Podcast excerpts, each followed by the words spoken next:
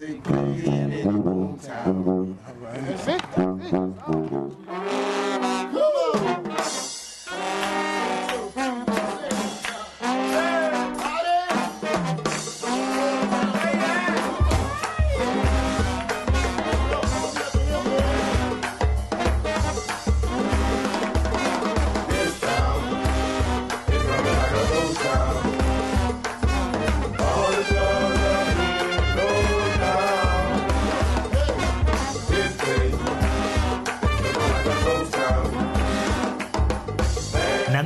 Presenta 10.000 fogueres. S'ha acabat, s'ha acabat, s'ha acabat, s'ha acabat. No el programa, evidentment, el 10.000 fogueres tot just comença, però s'han acabat les mascaretes. Recordeu quan havíem de dir el concert que se celebra a tal lloc, evidentment amb control d'aforaments, amb cadires. Recordeu quan havíem de dir hi ha aquest concert, però consulteu el local on es fa el concert, no sigui que a darrera hora s'hagi cancel·lat. Doncs tot això s'ha acabat. Seguirem, suposo, uns quants mesos amb la por al cos, potser uns quants anys, però les mascaretes s'han acabat definitivament. I això vol dir que a partir d'ara tots els concerts que anunciem aquí al 10.000 Fogueres en les properes setmanes, fins que ens caigui una altra de grossa, els podrem gaudir sense mascaretes. Per cert, que he tornat una mica mal educat de vacances. Benvingudes, benvinguts al 10.000 Fogueres. Eh, I res, això que anava dient, que s'han acabat les mascaretes, no vol dir que fins ara no hi haguessin concerts on, on vamos, pràcticament ningú portava mascaretes perquè en aquests darrers mesos hem pogut comprovar que hi havia concerts amb el 100% de públic amb la mascareta posada i concerts amb el 0% de públic amb la, amb, amb la mascareta posada. I això fa dos caps de setmana passava perfectament. Però ara per ara, doncs, eh, el que sí que és veritat és que els espais, els concerts són un espai on fer vida normal, igual que la resta de la ciutat. A partir d'aquí cadascú decidirà si vol portar o no mascareta. Però el que sí que és clar és que a partir d'ara tornem a gaudir en plenitud i legalment dels concerts més festius i, i de, també dels menys festius, evidentment. I aquest cap de setmana, casualment, el, començarem el programa parlant d'un fiestón de música de brass bands, música de carrer, com és el Festival MEC, festival que se celebra des de fa 5 anys a l'Hospital del Llobregat, que ha anat canviant de format, ha canviat també d'ubicació, perquè, evidentment, en aquests darrers cinc anys han passat a tots colors. La, la meitat de la història d'aquest festival s'ha celebrat en temps de pandèmia, per tant, eh, com us podeu imaginar, doncs, moltes restriccions han afectat el festival, però ha seguit viu i aquest cap de setmana celebra una nova edició, la cinquena, com us deia, d'un festival anomenat MEC, això s'escriu amb tres Es, i a més a més la segona E va amb un accent obert i acaba amb un signe d'admiració.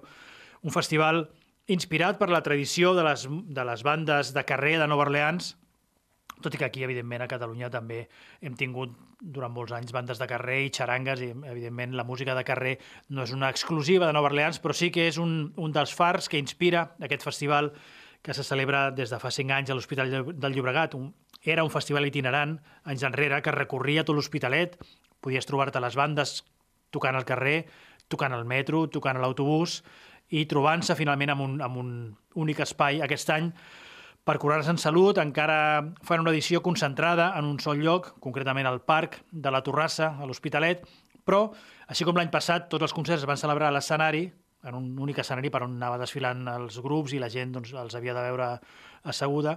Aquest any, amb aquest tímid, eh, amb aquesta tímida obertura, doncs, eh, les actuacions seran i començaran en una escola, en, un, en una escola propera a, en aquest parc de la Torrassa, l'escola Ernest Lluc, de fet a la nova seu de l'escola Ernest Lluc, està al carrer Montseny, i des d'allà aniran passejant, passejant, passejant, fins que arribin a l'escenari del Parc de la Torrassa, on faran el seu final de, diguem, de festa, la, la part central de l'actuació. Per tant, hi haurà una estoneta que sí que podreu anar caminant juntament amb les, amb les diferents bandes i després doncs, a veure els concerts davant de l'escenari. Hi haurà uns quants grups que actuaran, eh? d'una banda els Steamrollers, també els Boss and Dukes, les Zebres, hi haurà disjockeys inclús aquest any, els Tropical Rockers, també els alumnes de l'escola Ernest Lluc, aquesta escola d'on sortiran totes les, totes les bandes, eh, formaran un combo juntament amb els alumnes i les alumnes de l'Escola Municipal de Música Centre de les Arts de l'Hospitalet, i també sonaran aquests que escoltarem tot seguit, els Hip Horns Brass Collective, una banda molt jove, no tenen pràcticament ni, ni, ni un any o dos de vida, però que segurament és una de les que està cridades a fer més soroll en aquest entorn, en aquest eh, gremi de les bandes de carrer. Són els Hip Horns Brass Collective, un dels molts grups que, com us dic, actuaran aquest divendres al Parc de la Torrassa de l'Hospitalet. Això començarà a les 6 de la tarda, ja veurem com acaba. Evidentment és gratuït. I dels Hip Horns escoltarem un tema que es diu Marathon Runner.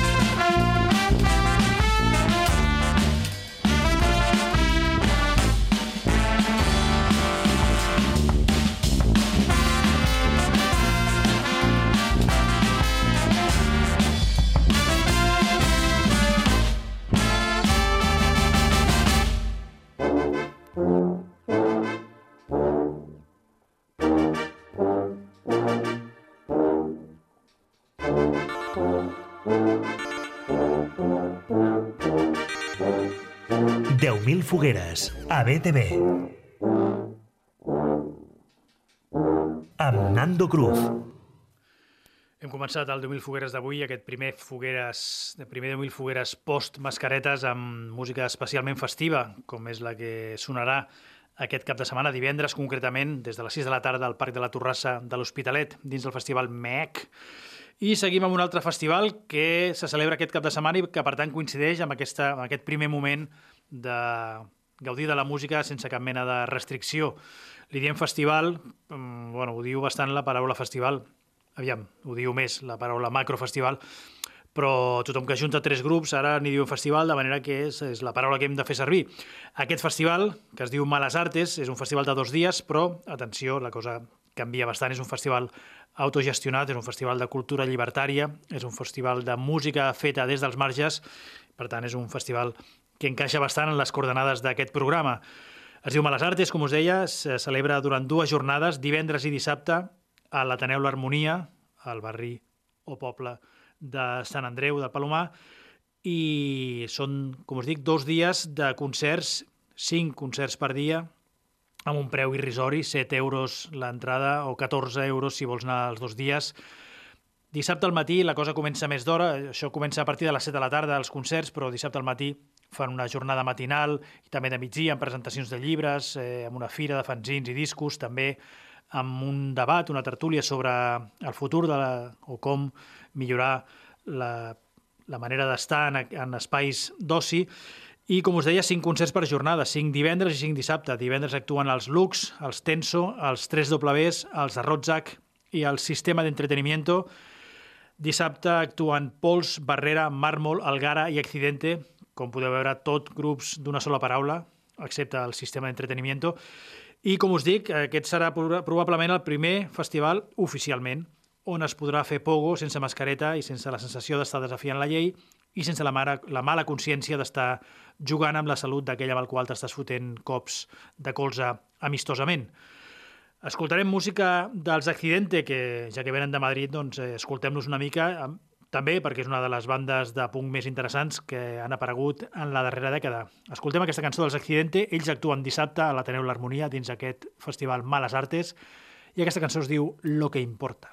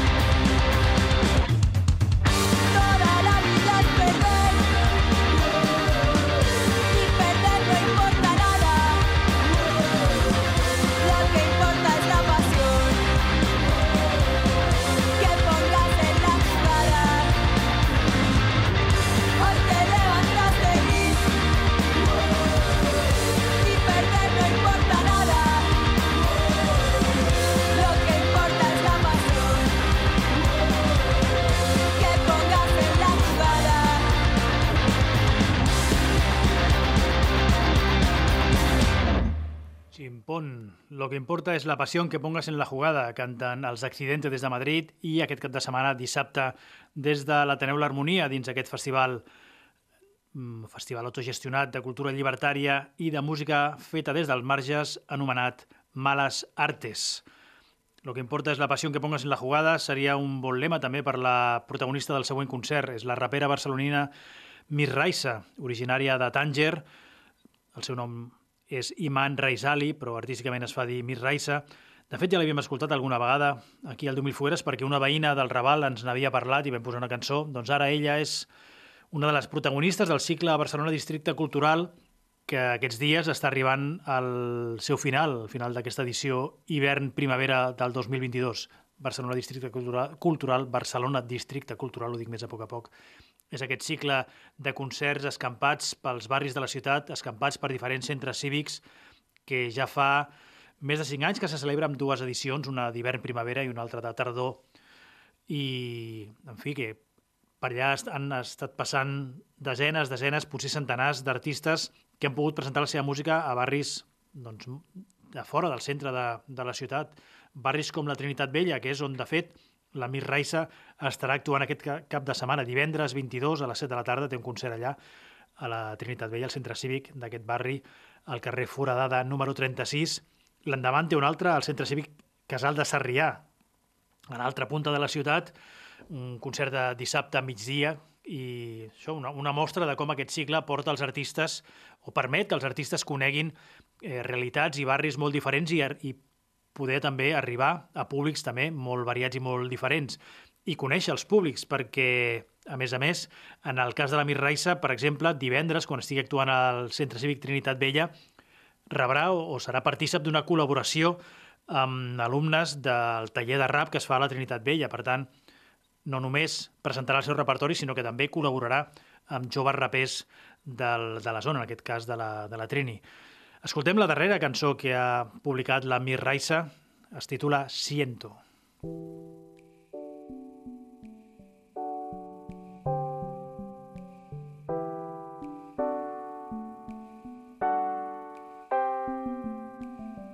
Incertidumbre me ciega nuevamente, se siente por todo el ambiente. Caliente, sube la temperatura de mi frente y frente a todo yo me siento impotente. Vente, acompáñame en esta corta historia, desde pequeña cansada de tanta escoria. Oía, en segundo plano todo lo oía, sin decir nada a nadie, pero ya se olía. Siento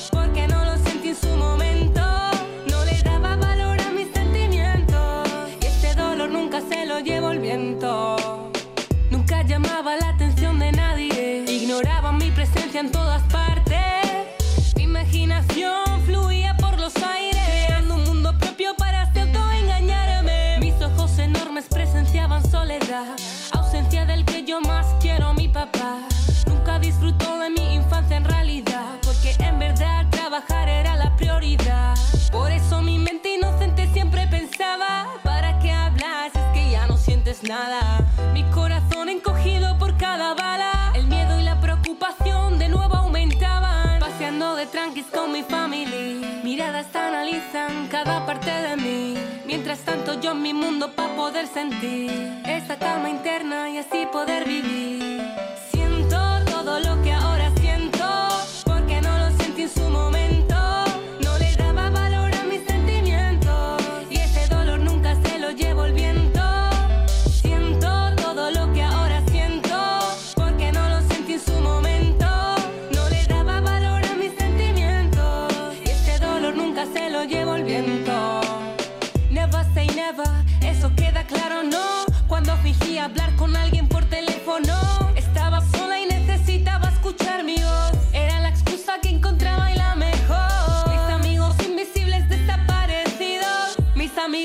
imposibles nunca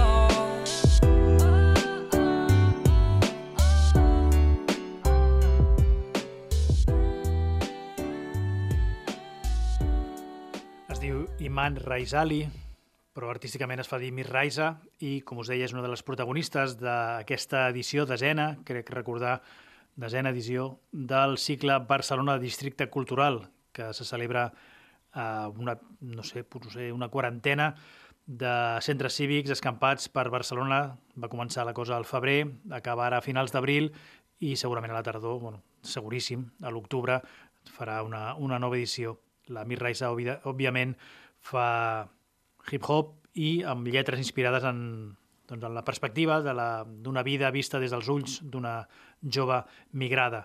Divendres la teniu al Centre Cívic Trinitat Vella, allà, a més a més, col·laborant amb, amb alumnes del taller de rap de la Trini, i dissabte al migdia la teniu al Centre Cívic Sarrià, Centre Cívic Casal de Sarrià. Sabeu què és el Golems? No el bitxo aquell de fang, eh? sinó l'espai escènic. És un teatre que hi ha gràcia al carrer Sant Lluís, número 64. De fet, és el mateix espai que abans es deia Almeria Teatre i que anys enrere havia sigut una casa regional, la Casa d'Almeria, on, entre d'altres, havien actuat el mismíssimo Paco de Lucía.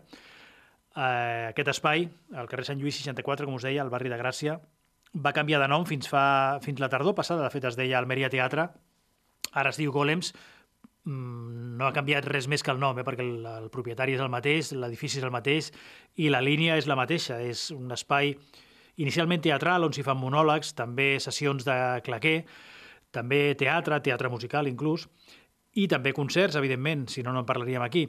Concerts de tota mena, però sobretot, sobretot de músiques d'arrel de qualsevol lloc del món dins un cicle que es diu Babel Sounds, i, per tant, tot i ser un espai teatral, doncs eh, estan fent un, dos o fins i tot tres concerts per setmana. I això fa que els incorporem ràpidament en aquesta infinita llista de fogueres que componen el teixit musical de la ciutat. El proper dimecres, quan s'emeti aquest 10.000 fogueres, estaran actuant un grup que es diu Golosa la Orquesta. Us ho dic ara perquè així ja, si voleu fer via, si us interessa el tema, doncs sapigueu que ho teniu dimecres vinent i quan comencem el programa dimecres vinent ja no valdrà la pena que ho digui perquè ara ha començat el concert. I qui són Golosa la Orquesta? Doncs una formació xilena de música d'arrel, també amb elements de jazz, de rock i, òbviament, doncs, de, de les sonoritats llatinoamericanes. Tenen publicats tres discos, han fet gires per tota Europa, és un d'aquests grups habitual en els festivals de músiques d'arrel, i ara, però, els podeu veure en una sala petita, una petita sala de Gràcia, que es diu Golems, des de fa menys de mig any, amb un espai petitet per unes 100 persones, i escoltar cançons com aquesta que sentim a continuació. Es diu Milonga del Poder.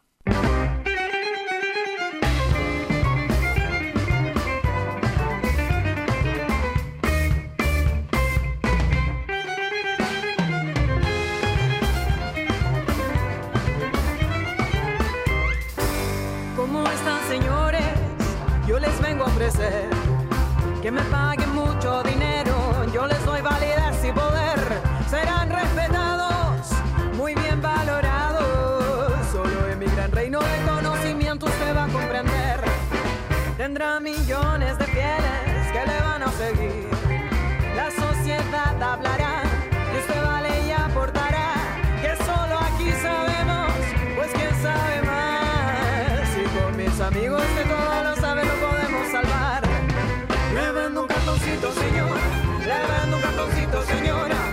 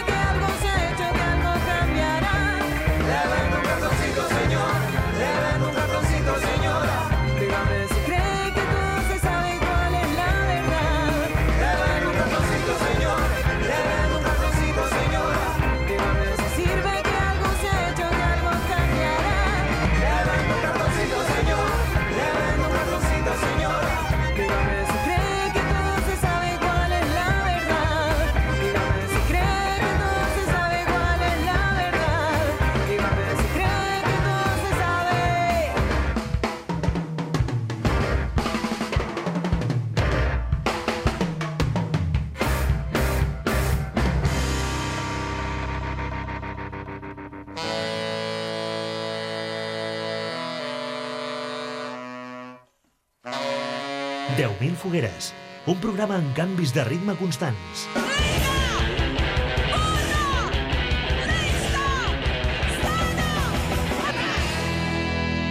Amb Nando Cruz. Canviem, canviem de terç de registre i canviem de plantejament. Sabeu que aquest programa té dues parts. Una primera on parlem de concerts que se celebren durant aquesta setmana a diferents espais de Barcelona ciutat i també de les poblacions dels voltants. I una segona part on el que fem és compartir cançons que trobem comentades per gent que en parla a la xarxa o que trobem pel carrer passejant o que trobem o que apareixen en converses amb, amb amics. Aquesta Setmana Santa, evidentment, han estat dies de descans, alguns han aprofitat per viatjar i n'hi ha que fins i tot han aprofitat per comprar discos i un cop els han comprat ho han comentat per xarxes. El Manolo ha estat a Lisboa i s'ha firat. El Manolo és el Manolo Domínguez, que fa servir el compte arroba Manolo Domínguez, tal com sona. I fa uns dies, doncs, eh, tornant de vacances, deia «Compra de discos por Lisboa, el hilo». I començava a explicar una història llarga, però que resumirem. Explicaba, eh, bueno, deia això, deia, una cosa que me sorprende de Lisboa es lo bien representada que está la música africana en las tiendas de discos.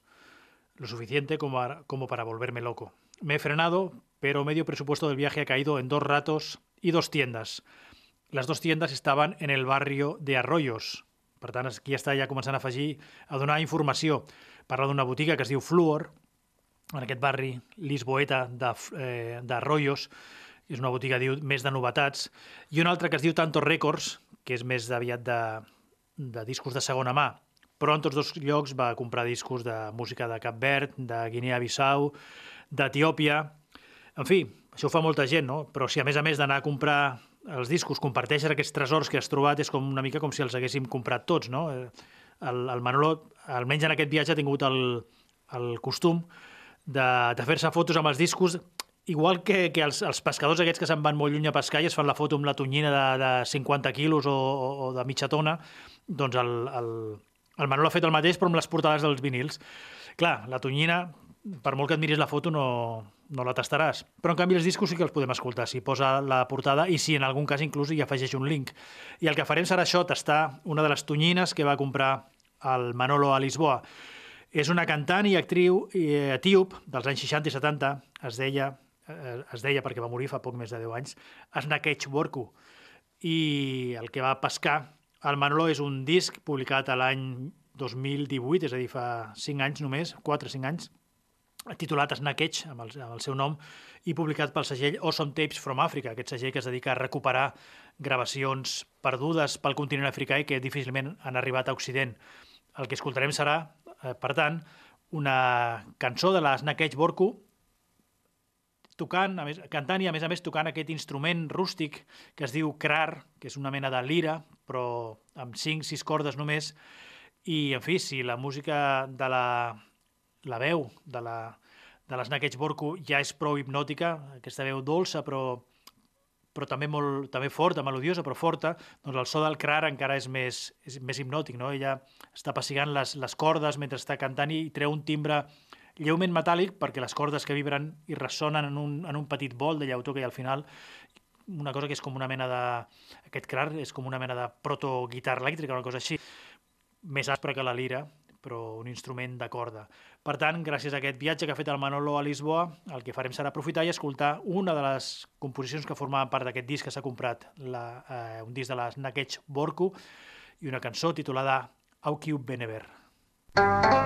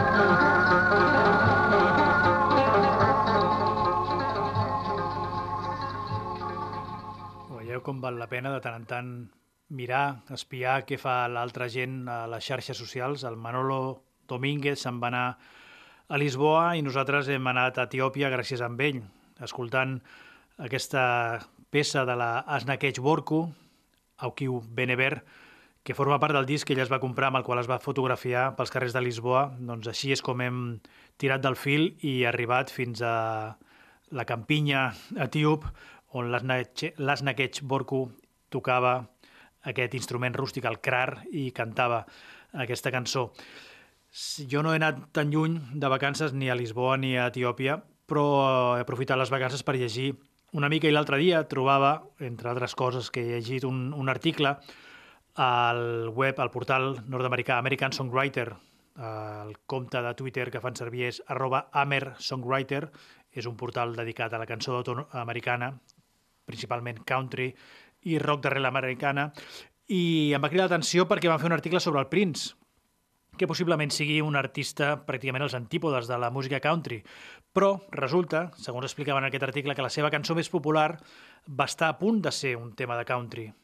Purple Rain, la cançó que dona nom al disc més famós, també a la pel·lícula que va interpretar ell mateix i que el va llançar a la fama infinita, la cançó que tancava aquell disc també, el disc Purple Rain, resulta que també és la que tancava molts dels seus concerts, evidentment, i que inicialment ell la va plantejar com un, com un tema d'estil country. De fet, fins i tot li va demanar una lletra, que li escrivís una lletra a l'Stevie Nicks, una de les components de Fleetwood Mac, però ella s'hi va, va negar dient que, que era massa responsabilitat per ella, que la, la maqueta que li havia passat era tan potent que no, no trobava la manera de posar-hi lletra. Potser en realitat el que passava era que li feia mandra i ja està. Però aquesta va ser l'explicació que va donar. Total, que el Prince va provar en, una, en un assaig abans d'un concert, va provar de donar-li una altra forma a la cançó a l'estiu del 83 i així és com va quedar la cançó de, eh, finalment, la, va, la van tocar en directe, de fet el, el, la versió que se sent al disc és pràcticament una, una presa de directe.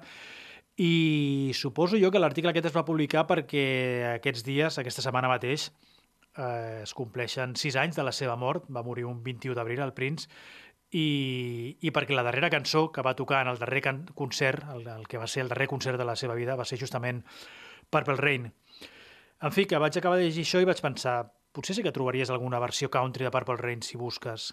I buscant, buscant, doncs sí que em vaig trobar una. De fet, el cantant de country Dwight Yoakam, un dels artistes de country més, més, més populars de tots els temps, va, va enregistrar una versió en clau country, la qual cosa fa pensar que segurament coneixia aquesta història. L'any 2016 va publicar un disc que es deia Swimming Pools Movie Stars, piscines, estrelles de cine, i allà és on hi havia aquesta cançó, aquesta versió country del Purple Rain de Prince.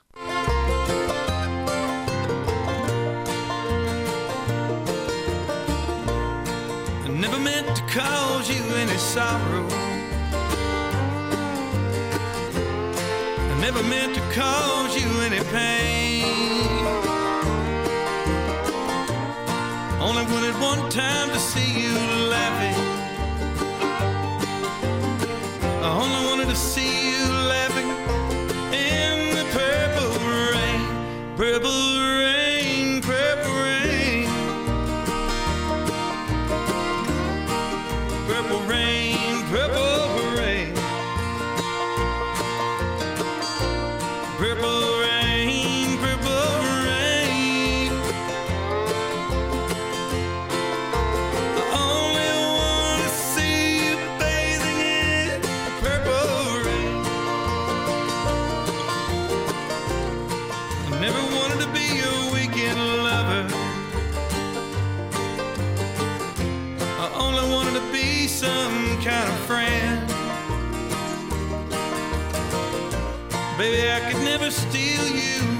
another.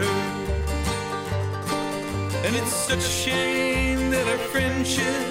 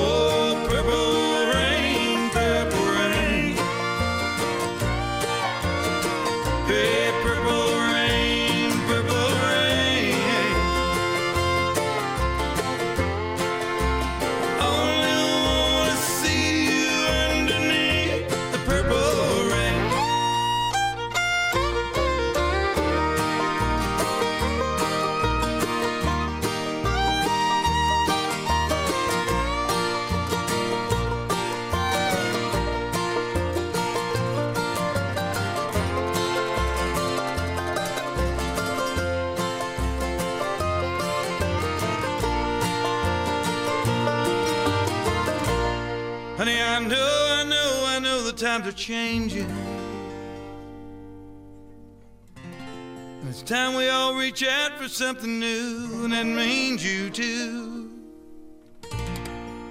And you say you want a leader, but you can't make up your mind. I think you better close it. and Let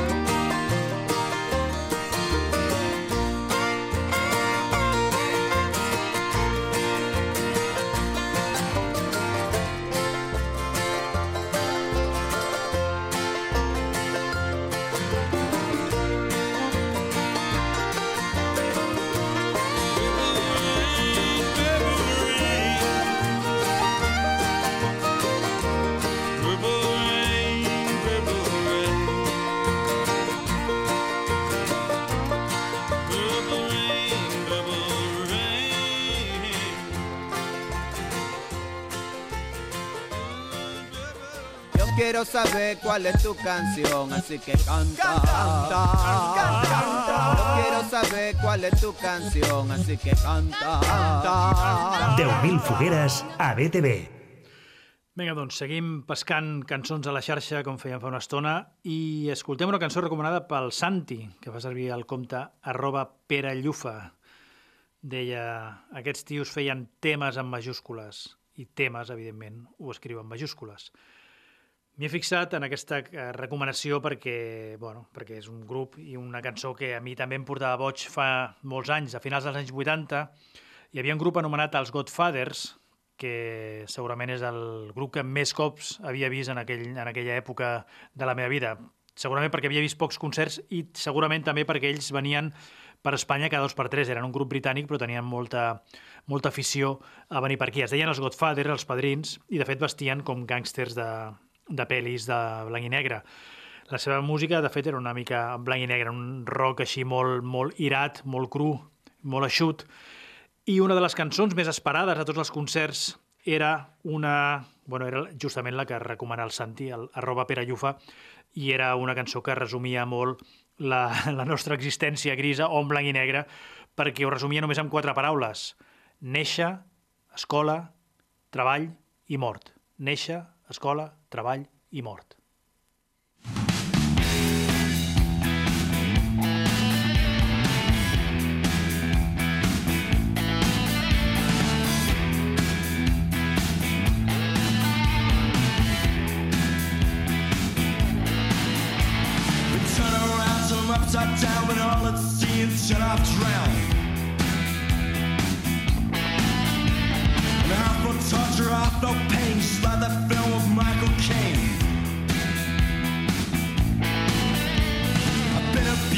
Been confused, and I've kissed my reflection's shoes.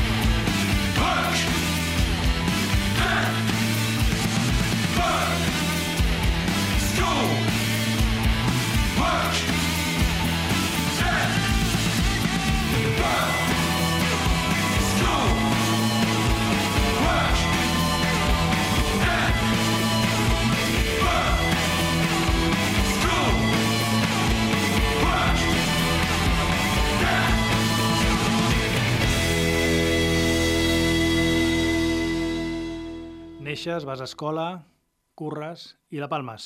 Així resumien els Godfathers la existència, el pas per aquest món en aquesta cançó que es deia Birth, School, Work, Death, a l'any 1988, recuperada, recomanada, en aquest cas pel Santi arroba Pere Llufa.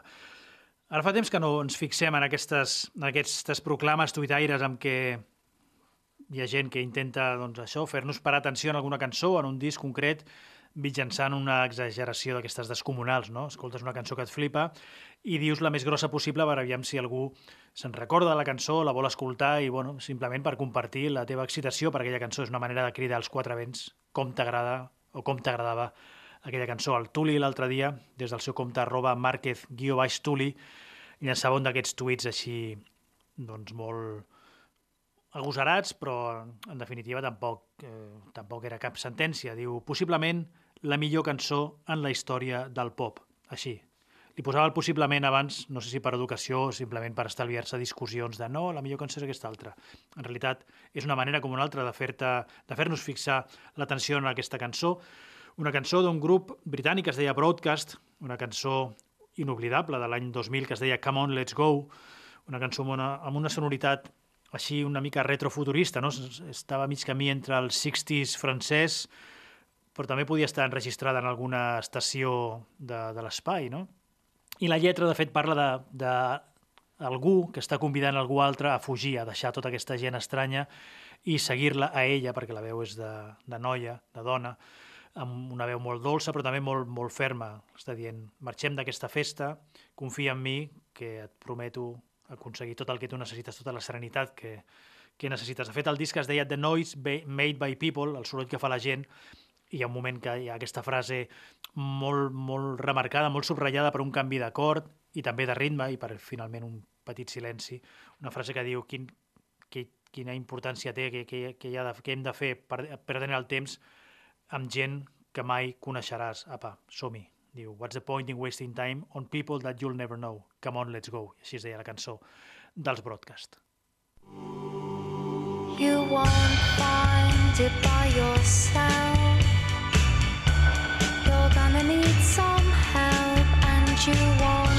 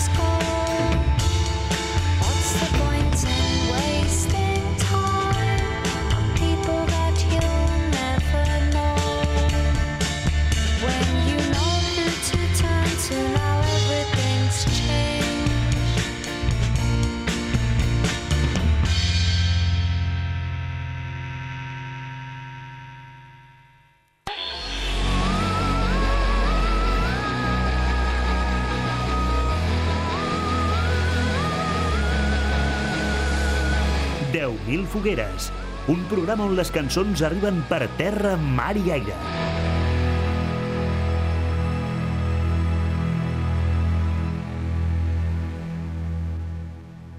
Se'ns acaba el temps, per terra, mar i aire, marxarem amb una altra cançó d'aquestes que busca la calma, aquest cop des del jazz, no un jazz massa tradicional i clàssic, perquè ens quedarem a l'any 1980, així marxarem amb un tuit del tuitaire i escriptor Montero González, fa servir el compte arroba Montero Glez, l'abreviació de González.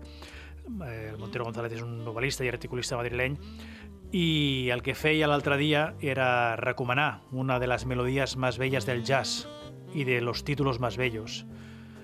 Es refereix a The Shadow of Your, your Smile, l'ombra del teu somriure. Diu, de totes, les, de totes les versiones que se han hecho, me quedo con esta de Scott Hamilton, és la que està sonant de fons. Els meus coneixements de jazz són massa escassos per plantejar la més mínima objecció a la seva sentència. Per tant, que quedi dit que aquesta és la millor versió, segons el Montero González, d'aquest Shadow of Your Smile, una cançó, una composició més antiga dels anys 60, però que en aquest cas està enregistrada i recollida en un disc del 1980 que es deia Tenor Shoes, on apareixien unes botes a la portada. Per tant, us deixem amb tota la calma, amb tota l'elegància, avui al 10.000 fogueres amb aquest The Shadow of Your Smile de l'Scott Hamilton i ens retrobem la setmana que ve aquí mateix, al 10.000 fogueres. Adeu! Thank